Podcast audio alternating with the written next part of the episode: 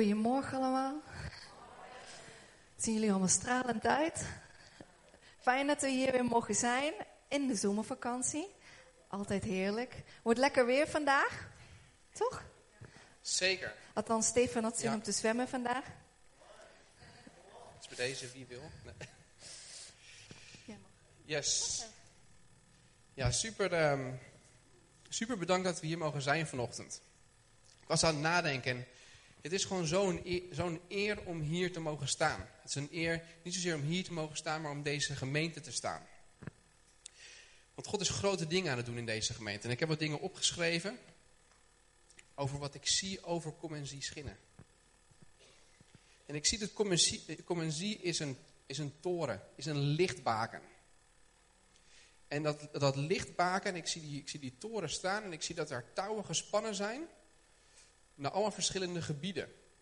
En ik geloof dat het niet alleen betekent dat er mensen uitgezonden zullen worden naar verschillende gebieden. En dan heb ik het niet zozeer over missionaries die naar Afrika toe gaan. Maar ik heb het ook over mensen die uitgezonden gaan worden naar gemeentes om jullie heen. Jullie hebben een bediening voor Limburg.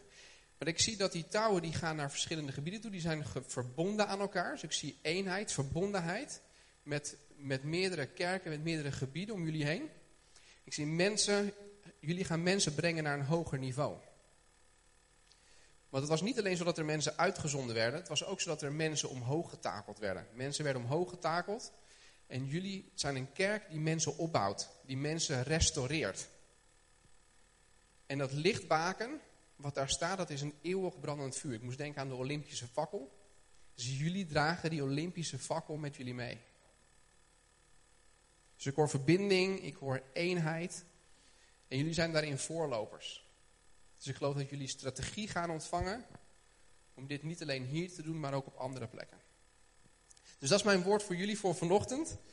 Ik zal me heel kort ook nog even voorstellen, of zal ons even voorstellen. Dat is natuurlijk ook handig, eh, want er zijn vast wel mensen die ons, die ons niet kennen. Mijn naam is Stefan, dit is mijn vrouw Zanne. Zanne. Sanne komt uit Limburg. Sanne komt uit Limburg. En, eh, en ik kom uit Haarlem. Vandaar dat ik Zanne zeg. Eeuwige discussie. Eeuwige discussie Maar over hoe ik Sanne haar naam uitspreek. Ik kan het nog steeds niet. Jawel, dat is heel lief. Ik denk dat we hier ongeveer een jaar geleden eh, ook waren. Dus jullie kennen een, eh, een beetje van ons, eh, van ons verhaal. Maar het gaat goed met ons. Het gaat supergoed met ons. Want we zijn in verwachting.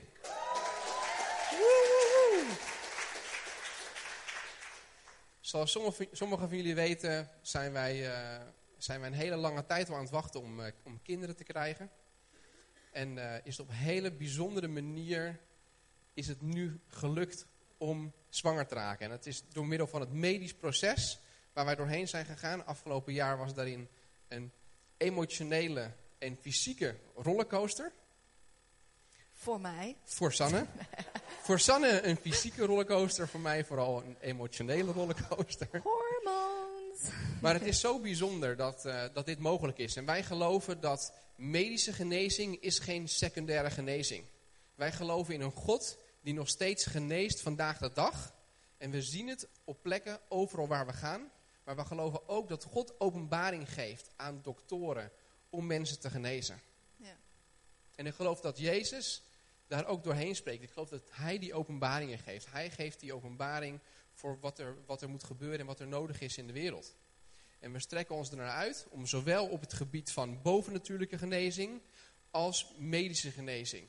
We zegenen dat. En ook gewoon op dit moment in Jezus' naam. Dus wij, ehm, wij wonen nu in Haarlem. Wij, ehm, van origine komt Sanne hier vandaan. We wonen nu een tijdje in Haarlem. We zijn daar, eh, we zijn daar oudste in de gemeente in Shelter Haarlem. Voor sommigen wellicht bekend ook. En, ehm, en het is heel bijzonder hoe afgelopen jaar eh, gelopen is voor ons. We hebben, we hebben drie jaar bijbelschool gedaan. En eh, die drie jaar, dat was een geweldige periode. We hebben God zien werken op een bovennatuurlijke manier. We hebben mensen zien genezen van kanker. Hebben mensen zien genezen van dove oren. We hebben, we hebben families hebben we zien gerestaureerd worden. En het is zo'n bijzondere periode geweest voor ons. En waar we het vandaag over willen hebben, is hoe maak je bovennatuurlijke beslissingen. Want bovennatuurlijke beslissingen, beslissingen maken in het leven, dat is soms niet altijd makkelijk.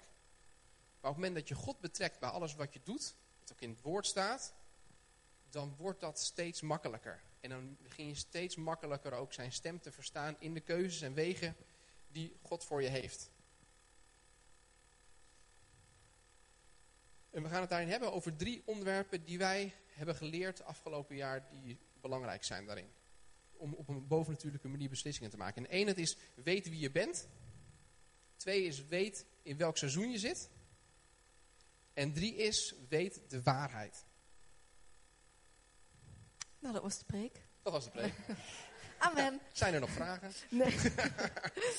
nou, wat, um, ik vertaal het meer in verhalende vorm. En wat um, een beetje vertaald is eigenlijk, uh, ken je seizoen? Wat voor seizoen zit je in? Zit je in een seizoen um, wat, uh, waarbij je boven op de berg staat? Of sta je in een seizoen waarbij je denkt, oh ik glij de berg af en ik weet even niet hoe ik moet remmen van die berg. En ik beland dadelijk in een dal. En um, soms hoor ik wel eens ook mensen zeggen, en het is een beetje een, dan ben ik, ga ik een beetje triggeren, van... Um, soms hoor ik wel zeggen, ik zit in een... Hallo? Klinkt het nu mooier? Oh ja, geen echo. Toch? Oh, hij knettert. Nou, we zegenen die microfoon. Um, waar was ik? Met seizoen. Oh ja, wat, ja, wat ik een beetje ga triggeren soms. Ik denk heel veel na over dingen. En iedereen denkt na over dingen wat heel gezond is en dat mag. Maar soms hoor ik mensen zeggen van, ik zit in de woestijnperiode. En dan denk ik, huh? Woestijnperiode, oké, hoe ziet dat eruit? Um, zit ik ook in een woestijnperiode of heb ik daarin gezeten? Uh, hoe noem ik dat? Is het een woestijnperiode? Is het een dalperiode? Is het een... Hoe ziet een woestijnperiode dan eruit? Allemaal vragen die ik ga stellen. En voor mij ben ik erachter gekomen dat ik denk van... Hè, ik ken geen seizoenen met woestijnperiodes, omdat God een levende God is en heeft een helper gestuurd, de Heilige Geest. Dus we zijn 24-7 beschermd met de, door de Heilige Geest die bij ons is. Dus eigenlijk zou ik nooit door een woestijnperiode hoeven heen te gaan, omdat ik altijd me gedragen voel door de Heilige Geest. En het klinkt misschien heel gek, maar het is een vernieuwing van mijn denken, waardoor ik niet in een negatieve spiraal denk van, oh het komt nooit meer goed, ik zit in de woestijn en hoe lang gaat het duren? Maar, oh, het gaat echt even moeilijk, maar u draagt mij. Ik lees de Bijbel, de waarheid, en daar staat in dat u bij me bent, dat u een oplossing heeft, want u bent de God van de onmogelijke. Dus um, we zeggen wel eens, er zijn geen hopeloze situaties, maar alleen hopeloze mensen. Die gaat heel diep. Er zijn, er zijn geen hopeloze situaties, maar alleen hopeloze mensen. En dan denk je, hè, wat zeg je nou? Maar als God een God van het onmogelijke is, dan is geen één situatie onoplosbaar voor hem. Snap je een beetje? Het, is, het gaat soms denken van, oh, Heer, u zegt het allemaal in de Bijbel. Geldt deze Bijbel nog steeds vandaag? Yes, yes want het is een levende woord. Soms wil ik, ga ik zo zitten en denk, Heer, oh, alsjeblieft, elke letter, elk woord, mag het alsjeblieft elke dag in mijn hoofd blijven zitten. Dat ik, er zit zoveel waarheid in en elke dag ontdek ik iets nieuws. En elk seizoen is er weer iets moois te ontdekken. We hebben in een seizoen gezeten van zeven jaar proberen zwanger te worden. Nou, dat is voor een man anders dan een vrouw. Um, betekent niet dat een man er minder anders mee omgaat dan, uh, minder, moet ik het zeggen, emotioneel mee omgaat dan een vrouw, maar soms wel. Toch? Zeker. Nou ja. ja, dus ik had er soms wel um, moeite mee van, ja, oh heer, wat moet ik doen? En um, soms ga je dan ook nog eens nadenken, heb ik iets verkeerds gedaan? Of hoort dit bij ons? Of al die gedachten. Toch? Wie heeft die gedachten wel eens? Althans, ik heb ze soms nog wel eens door me heen gaan hoor. Maar hoe komen we uit die swirl van die gedachten, die negativiteit, in de waarheid, wat God zegt over ons seizoen waar we in zitten? En ik denk dat we daar iets um, moois in hebben geleerd, ook in het afgelopen periode. Ook mede door het zwanger willen worden van hoe God ons daarin uh, begeleid heeft. Maar ook hoe vol hoop ik ben geweest. Waardoor als ik even een situatie had waar ik het niet meer wist. Dat ik gewoon binnen een paar minuten weer eruit kon zijn. En dat ik weet wie God is voor mij. En het is zo waardevol. Want we zijn niet geroepen om in een, um, een leven te leven van angst, van twijfel, van onzekerheid, van, um, van armoede. We zijn geroepen om te leven vanuit zijn liefde, vanuit zijn wijsheid, vanuit zijn rijkdom. En ik denk dat dat heel um, waardevol is wat wij geleerd hebben, dat we dat graag aan jullie willen meegeven vanochtend. En um, dat God gewoon echt een hoopvolle toekomst met ons heeft. Yes? We willen een importatie van hoop geven vanochtend. Zoals Sanne al zei, er zijn geen hopeloze situaties, maar alleen hopeloze mensen. En je kan niet voorkomen dat er omstandigheden op je pad komen, maar je kan wel bepalen wat je doet met die omstandigheden. En het gaat er dan vooral om wat je denkt. Dus ik geloof dat de, de hoogste niveau van geestelijke strijd is niet, het, we noemen het rebuking the devil, maar dat is niet het strijden tegen de duivel, maar dat is het vernieuwen van je denken. Dus de hoogste niveau van geestelijke waarheid is het vernieuwen van je denken. In Romeinen 12 vers 2 er staat, wees veranderd door het vernieuwen van je denken. En dan zul je weten alles dat goed is. Dus ik zet dat vrij op dit moment ook gewoon over de zaal. Als je dat wil ontvangen, die importatie van hoop. God is een God van hoop. En er staat ook in Romeinen 15 vers 13. Er staat, en dan zal de God van hoop je vullen met alle vreugde en vrede door te geloven. Dan zal de God van alle hoop, het is niet, het is niet een beetje hoop, maar de God van alle hoop. Eh, alle, het is niet een beetje vreugde, het is, het is volledige vreugde. Dus ik bid op dit moment dat, dat God hoop in je hart legt. Omdat er, er zijn geen hopeloze situaties.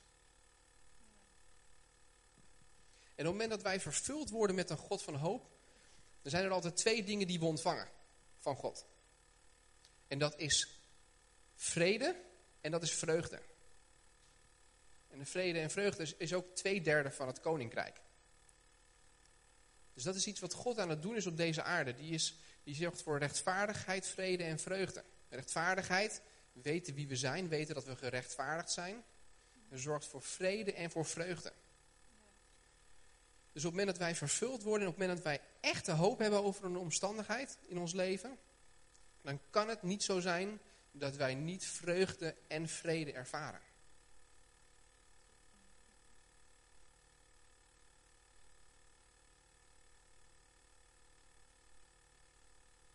Ja, ik vond, um, ik had wel een hele mooie openbaring toen ik deze tekst las. Um, het is in Spreuken 10 vers 5. En daar staat, weet de seizoenen waarin je zit en een wijze zoon zal je zijn. En toen dacht ik, hé, hey, wat is de betekenis en definitie van een zoon of een dochter zijn? Het staat niet een wijze man zal je zijn, maar een wijze zoon of dochter. En voor mij betekent dat dat ik altijd omringd ben door liefde. Dat ik altijd terug kan gaan naar een vader die mij helpt in een seizoen. Waarbij ik altijd nog lerend ben. En niet alles hoef te weten. Waarbij um, ik risico's mag durven nemen. Want ik ben gecoverd, omringd door zijn bescherming. Waarbij ik dit samen mag doen en niet alleen. Een seizoen in gaan. En dat ik altijd dingen kan verwerken met iemand. En dat is met God. Wat, ik, uh, wat er ook wel vaak achterkomen is dat we denken dat we heel veel uit een ander kunnen halen, maar dat we eigenlijk heel vaak niet bij een ander iets uh, kunnen halen qua um, dat stukje, die stuk volheid of die stuk vreugde, maar dat je echt dat bij God moet zoeken, bij je vader, bij je papa. En ik noem hem ook echt papa, omdat hij me heeft laten zien van, maar ik loop naast je en ik wil met je dansend door dit seizoen kunnen gaan. En ik wil dat je leert van de journey waar je doorheen gaat. En kijk niet naar de uitkomst, maar ga met me mee op pad en leer van de dingen die ik je wil um, geven onderweg. En vaak moet je een pad ook meerdere keren lopen dan maar één keer. Anders kan je het geen pad noemen. In een bos loop je ook wel eens en dan zie je een pad. Maar die kan, kan je niet zien als er maar één keer een persoon overheen loopt. Die moet je meerdere keren bewandelen. En vaak um, is het ook oké dat je nog een keer het pad bewandelt van, hé, hey, maar hoe zit het nou ook alweer? Wie bent u nu echt voor mij, papa? En um, het geeft me ook rust. Het geeft me rust in het feit om te weten dat ik omringd ben door een bescherming, liefde van God. Waar ik ook in zit. En dat ik ook niet hoef te kijken naar een ander waar iemand in zit en wat voor seizoen. Dat is ook een van de gevaarlijkste dingen die we kunnen doen. Ons vergelijken met iemand anders. Vergelijken, oh, die heeft een vrijstaand huis en vier auto's en zes paarden en zeven koeien. Nou hoef ik geen koeien, maar uh, alle respect voor mensen die dat leuk vinden. Maar wanneer je gaat vergelijken met een ander, kan je niet in je bestemming wandelen van je eigen vreugde en je eigen leerproces die jij hebt met God. En het is zo belangrijk om te blijven wandelen op jouw eigen pad met God. En niet vergelijken met een ander. Oh, die kan best wel goed zingen en die staat op het podium. Nou, die zal het wel allemaal voor elkaar hebben. Jij weet niet waar iedereen doorheen gaat. Iedereen heeft zijn eigen context. Heb ik van mijn vader geleerd. Context. Maar dat heeft me wel aan het denken gezet. Iedereen heeft zijn eigen verhaal. Iedereen heeft zijn eigen seizoen. En wanneer we ook het gaan vieren, wanneer iemand in een seizoen zit waar het goed gaat, en dankbaarheid uitspreken, dan kunnen we echt oprecht die volheid ervaren van de hoop, van de vreugde die God voor ons heeft. En dat heb ik ook echt ook ervaren als, eigenlijk zijn al mijn vrienden om me heen hebben al een tweede kind dat kan soms best wel knagen en deed best wel zeer. Denk, heer, ben ik dadelijk de enige, zijn we dadelijk de enige die geen kind hebben en wat moeten we doen? Is het dan, is het dan echt niet voor mij? Zulke gekke dingen gaan door, door je hoofd. Terwijl God dan tegen me, nee, maar God zegt tegen me, maar Sanne, wat is nou de waarheid? Wat heb ik nou over je uitgesproken in Genesis 1? Be fruitful and multiply. Ben vruchtbaar is mijn eerste comment wat ik gezegd heb, is vruchtbaar. Denk, oh ja. En iedere keer weer de profetieën, herinneringen, dat ik zoveel profetieën heb gehad van je bent een moeder. Je hebt een moederhart. Je bent een moeder. Je hebt een moederhart. Ik zeg, ja, ik weet het. Je bent een moeder. Ik zeg, waarom krijg ik deze profetie elke keer weer? Vraag ik aan God. En hij zegt, omdat je het niet gelooft. Dus ik moet het blijven herhalen. Ik moet het blijven zeggen. Totdat je het echt gelooft. Ik denk, oh, maar waarom geloof ik het dan niet, Heer? Omdat je denkt dat je niet goed genoeg bent. Omdat je denkt dat je dan te trots bent als je dat gelooft. Zo ver kunnen dingen gaan. En wat is een God zo genadig dat hij je met dit proces gewoon zo liefdevol meeneemt. En dat we God echt vragen mogen stellen. Durven God nog vragen te stellen durven echt te zijn. Oh heer, dat doet zo'n pijn. Dat weer een vriendin naar me toe is gekomen en die zei dat ze zwanger was. En ik ben oprecht blij. Altijd blij. geweest. En nog steeds. Maar daarna, oh Heer, het doet zo'n pijn. Oh Heer, je moet nu echt heel dicht bij me komen. En zegt, ja, ik ben hier. Ik ben hier. En ik huil met je mee. Waarom huilt u met me mee als je het zo kan oplossen? Soms ben ik ook zo echt geweest. Het is heel rauw. En ook heel kwetsbaar, een seizoen. Maar als we er echt over durven te zijn en ons kwetsbaar durven te stellen en ook iedere keer naar Stefan toe gaan, oh Stefan, ik voel nu echt pijn. Hoe kom ik hier doorheen? Hij zegt, oké, wat zijn de profetieën over je leven? Wat zegt de Bijbel over jouw leven, over jouw lichaam? En ga ik dat herhalen en herhalen en dan komt het weer terug. Oh ja, de waarheid is dat ik vruchtbaar ben. En dat is niet alleen over deze situatie, maar dat is over alle situaties. Over financieel hebben we dat gehad met een seizoen. En wat is de waarheid, God? De waarheid is dat ik de hemel bezit met al het geld. Dus ik voorzie. Oh ja. En het is ook een uitdaging. Ook een uitdaging voor ons elke dag. Om het los te laten. Durven wij het controle los te laten over ons leven?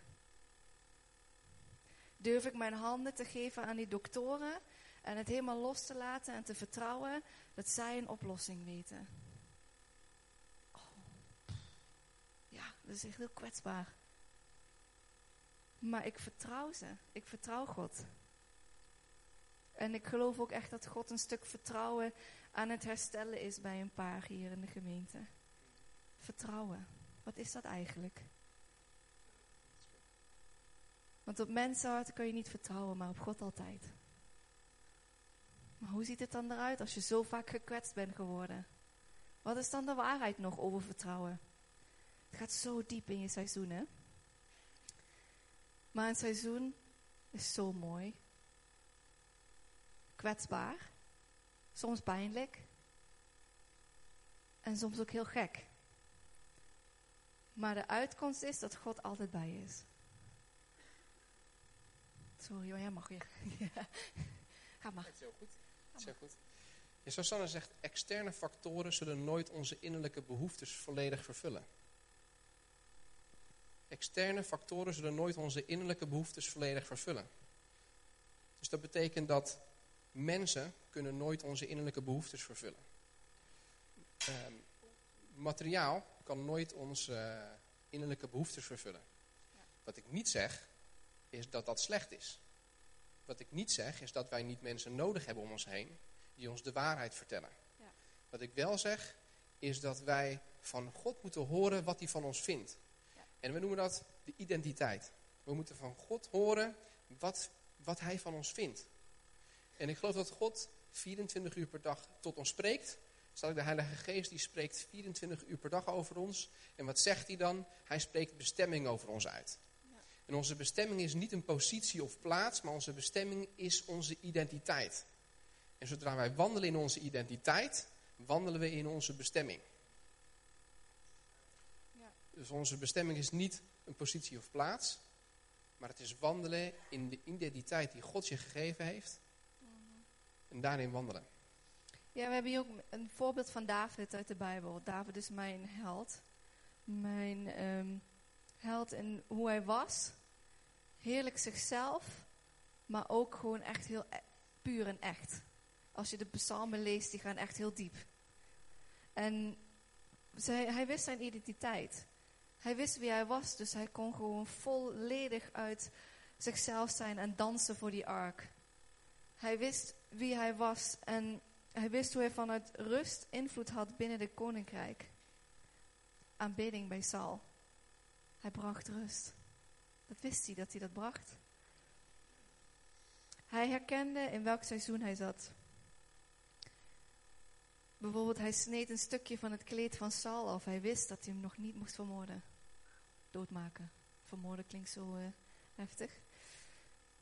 Maar hij wist. Is nog niet zijn tijd. Hij nam het niet in zijn eigen macht om Saul te vermoorden. Maar hij luisterde altijd naar God.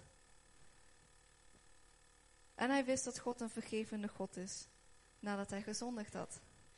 Want één moment wist hij niet in welk seizoen hij zat, want eigenlijk hoorde hij op het veld te staan, maar stond hij op het balkon. Maar hij wist dat God hem wel ging vergeven. Ook al was het wel heel heftig. En dat haalde hem niet neer in schaamte. En hij bleef doorgaan waar God hem voor geroepen had. Omdat hij zo'n, zo'n rechte lijnige band met God had. Soms denk ik, oh Heer, laat mij zien hoe David dat deed. Ik, nee, ik verlang zo elke dag steeds meer naar die echtheid. En het, ik vind het zo bijzonder dat we zoveel kunnen leren van hem. Dat fouten maken oké is. Maar als we wel onszelf blijven. En niet ons laten neerhalen door de omstandigheden om ons heen. Iedereen had David verlaten. Zijn familie, zijn soldaten, alles. Maar naar wie ging hij? Naar God. En hij luisterde, God, wat moet ik doen? Zijn 1 Samuel 30. Daar staat, Heer, hier ben ik, ik heb niets meer. En God zei, ga. En hij deed het. Zo bijzonder is dat. Het ene moment zit je in een seizoen waarbij je moet strijden. Maar het andere moment zit je in een seizoen waarbij God van je vraagt om te wachten en te rusten. En dat is weten in welk seizoen je zit. Zit ik in een seizoen waarbij ik dingen moet vrijzetten? Uiteraard vanuit overwinning en niet voor overwinning. Maar zit ik in een seizoen waarbij ik dingen moet vrijzetten? Of zit ik in een seizoen waarbij ik gewoon kan wachten op de doorbraak van God? En dat is iets wat we aan hem mogen vragen. En ik geloof dat, um, je ziet bij, bij het volk van Israël bijvoorbeeld, zie je dat, um, zie je dat de, de overwinning ligt uiteindelijk pas na de strijd. Dus na je omstandigheden, daar ligt de doorbraak. En op het moment dat je weet wat je moet doen in welk seizoen, weet je ook hoe je die doorbraak kunt ontvangen. En de enige manier om daadwerkelijk een overwinning te zien behalen is doordat je weet wie je bent. Doordat je weet wat God over jou uit heeft gesproken. Op het moment dat je je, je profetieën vasthoudt. Moment dat je de beloftes over je leven vasthoudt. Dan zul je standvastig zijn. wat ik heel mooi vind is dat... Wat ik mooi en belangrijk vind is we hebben, ook, we hebben elkaar nodig. er staat in Efeze 4, daar staat, daar staat het verhaal um, over de vijfvoudige bediening. Jullie kennen die ongetwijfeld wel. Maar daar staat er een heel mooi stukje. Misschien moet ik dat gewoon eventjes voorlezen. ga ik het even opzoeken. Dus Efeze 4.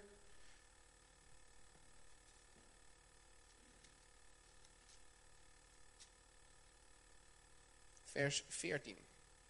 En daarvoor wordt uitgelegd, dus Efeze 4 vers 14. Daarvoor wordt uitgelegd dat we de vijfvoudige bediening nodig hebben in een kerk om de kerk op te bouwen.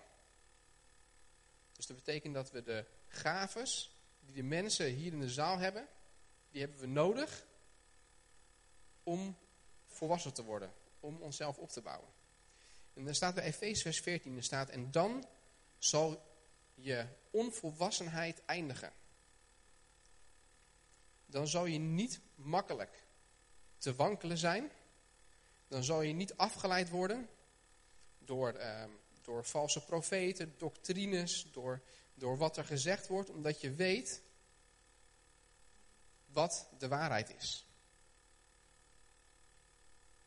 En alle directies die we van God krijgen, zullen daarvan uit voortvloeien. Door Christus en zal ons dieper met hem leiden. Dat is de vrije vertaling van Efeze 4 vers... Uh, het is vertaalde vertaling van de Passion Translation. Vertaald vanuit een vrije vertaling in het Engels naar het Nederlands. Maar wat het mooie daarin is, is we hebben, we hebben elkaar nodig. We hebben elkaar nodig om woorden over ons uit te spreken. We hebben elkaar nodig om, uh, om, om richting te krijgen. Dus hoe maak je die goddelijke beslissingen? Dat doe je onder andere door, door de waarheid te weten. Dat doe je door te weten wie je bent. En dat doe je door richting die je van je, van je peers, van de mensen in je omgeving meekrijgt. De waarheid en de woorden die gesproken worden. En profetie is daar de allerbelangrijkste rol in. Dat is ook überhaupt de allerbelangrijkste rol van een gemeente, is dat je profeteert met elkaar. En profetie geeft, geeft richting. Profetie geeft altijd bestemming neer. En dat is zo mooi. Want op die manier weet je, oké, God spreekt daar iets over.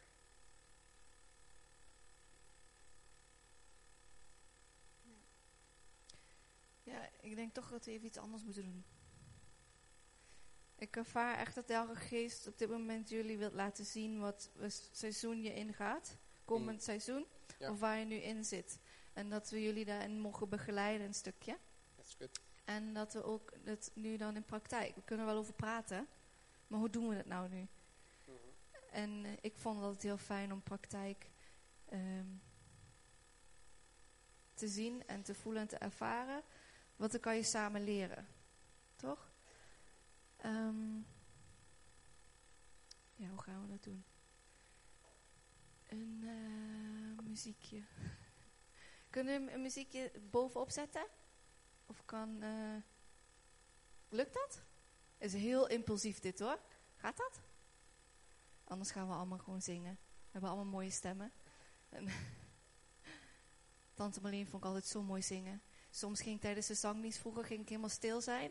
En ging alleen maar luisteren naar Tante Marleen. En oh, zo mooi. Soms mis ik die stem nog wel eens hoor, Tante Marleen. Denk, oh, zo mooi. Zo'n gave wat we dan, wat we hebben met elkaar. En klank.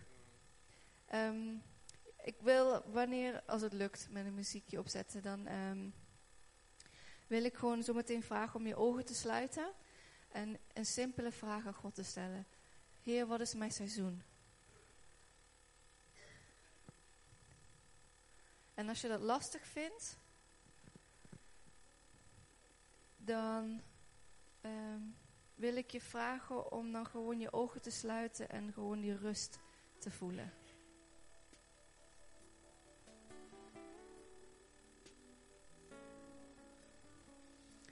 Of vraag aan God, wat bent u aan het doen? Wat doet u op dit moment met mij?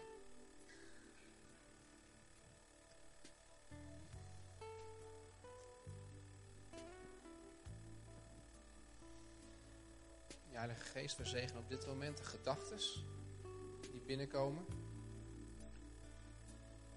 Zet er een koepel van bescherming omheen. Om alleen te horen wat u zegt. Ja. Om alleen maar hoopvolle gedachten te hebben.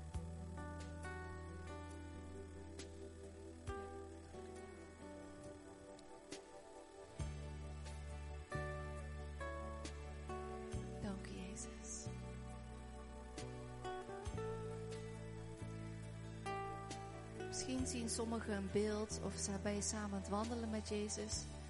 Misschien zie je God een tekst schrijven of heb je het gevoel dat je in de Bijbel moet lezen. Het is voor iedereen anders. Maar neem het wel serieus.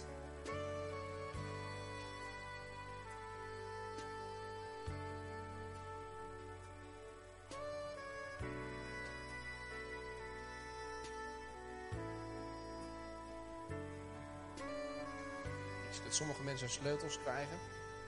Sleutels, openbaringen over, eh, over moeilijke omstandigheden op je werk.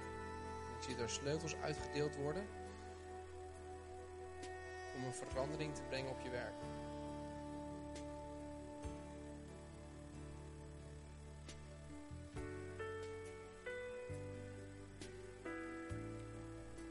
Het kan ook zijn dat je in een seizoen zegt, voor God zegt alleen maar rust. Je leren hoe je in de rust moet zijn. Sommigen hoor ik ook God over zeggen, seizoen van accepteren van jezelf. Hoe ziet dat eruit? Ehm, dit hebben wij ook in, op de Bijbelschool gedaan. En dat deden we in een groep met familie. Waarbij we ook gewoon echt veilig voelden. En ik zet ook deze gemeente vrij op dit moment dat je je veilig mag voelen op de plek waar je nu bent. Ik spreek veiligheid uit over je. Veilig voelen in je gezin, veilig voelen op je werk, veilig voelen ehm, bij je studie, veilig voelen op straat.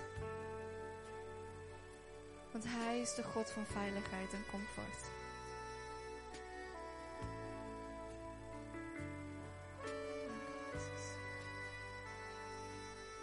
Ik zie ook dat sommige mensen een seizoen ingaan voor een familierestauratie. Dus ik zet het ook vrij op dit moment. In de naam van Jezus. Ik zet familierestauratie vrij over deze gemeente. Je bent geroepen om familie te zijn, om een veilige plek te zijn.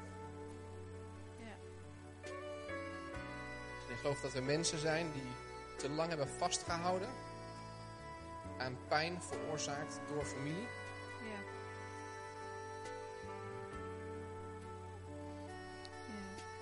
Wil je uitdagen om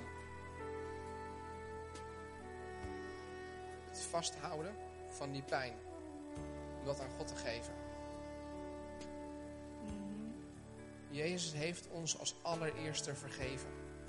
Dat is de reden dat wij vrij mogen zijn. Dus wie zijn wij om vast te houden aan onvergevingsgezindheid? Ja.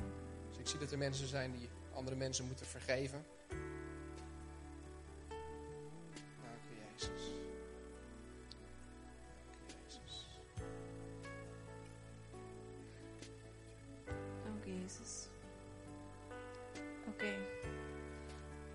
Wat ik nu wil vragen om te doen is om het op te schrijven. Of het te delen met de persoon naast je. Wat, want wanneer we dingen in het licht brengen, kan er geen duisternis komen. En wanneer we dingen in het licht opschrijven of zeggen, dan kan de, kunnen de engelen en God- kan dan zijn werking zetten. Mhm. Dus als je het lastig vindt om te bespreken met de persoon naast je, of je niet weet wat je moet zeggen, pak dan even een papiertje of je telefoon. Iedereen heeft natuurlijk wel een telefoon, denk ik. En dan schrijf het even op. Misschien zijn het een paar woorden, misschien zijn het een paar zinnen. En ehm, ja, daar nemen we even nu een minuutje de tijd voor. Want het is gewoon heel belangrijk. Het gaat er namelijk om dat we niet focussen op wat de duivel aan het doen is. Het gaat erom dat we focussen op wat God aan het doen is. Dus op het moment dat we van God horen wat ons seizoen is, dan weten we wat Hij aan het doen is. Ja. En ik geloof dat het geldt voor elke situatie, voor elke omstandigheid in ons leven. Dus we moeten niet vragen, duivel, wat met u aan het doen? we moeten niet focussen op wat de duivel doet, we moeten- we moeten focussen op hetgeen wat God aan het doen is. In ons eigen leven, in onze families, in onze kerk, in onze stad. God, wat bent u aan het doen?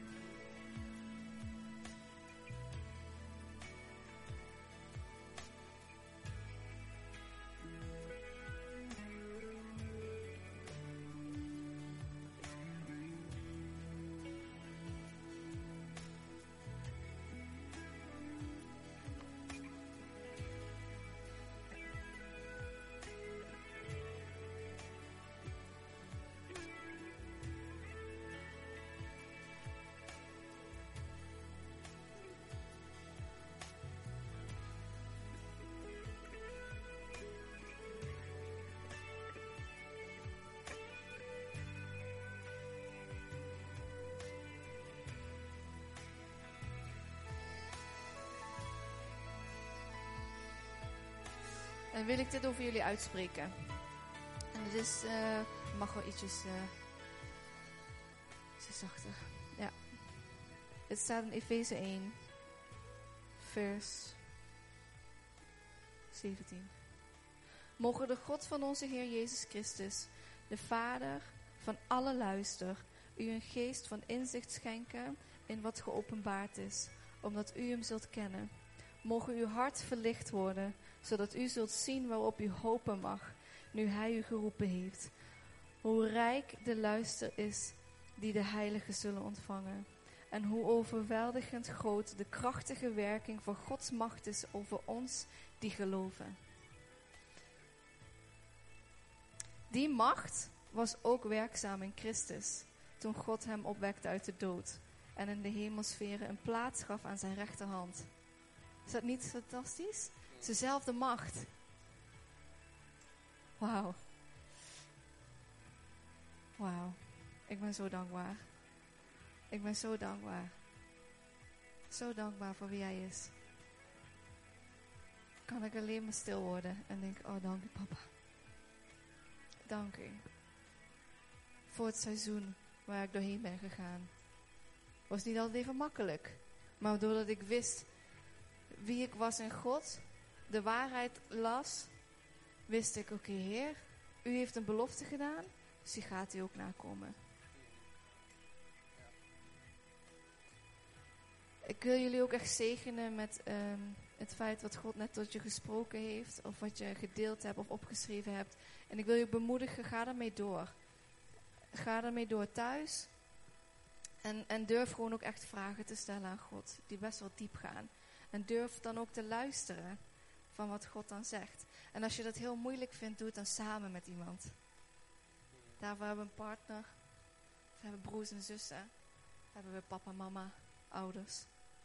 Hebben we mensen om ons heen die, die ons kunnen helpen. Yes?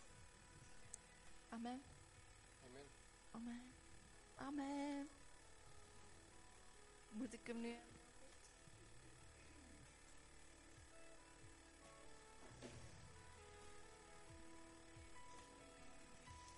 geloof dat God vanochtend eh, wil genezen.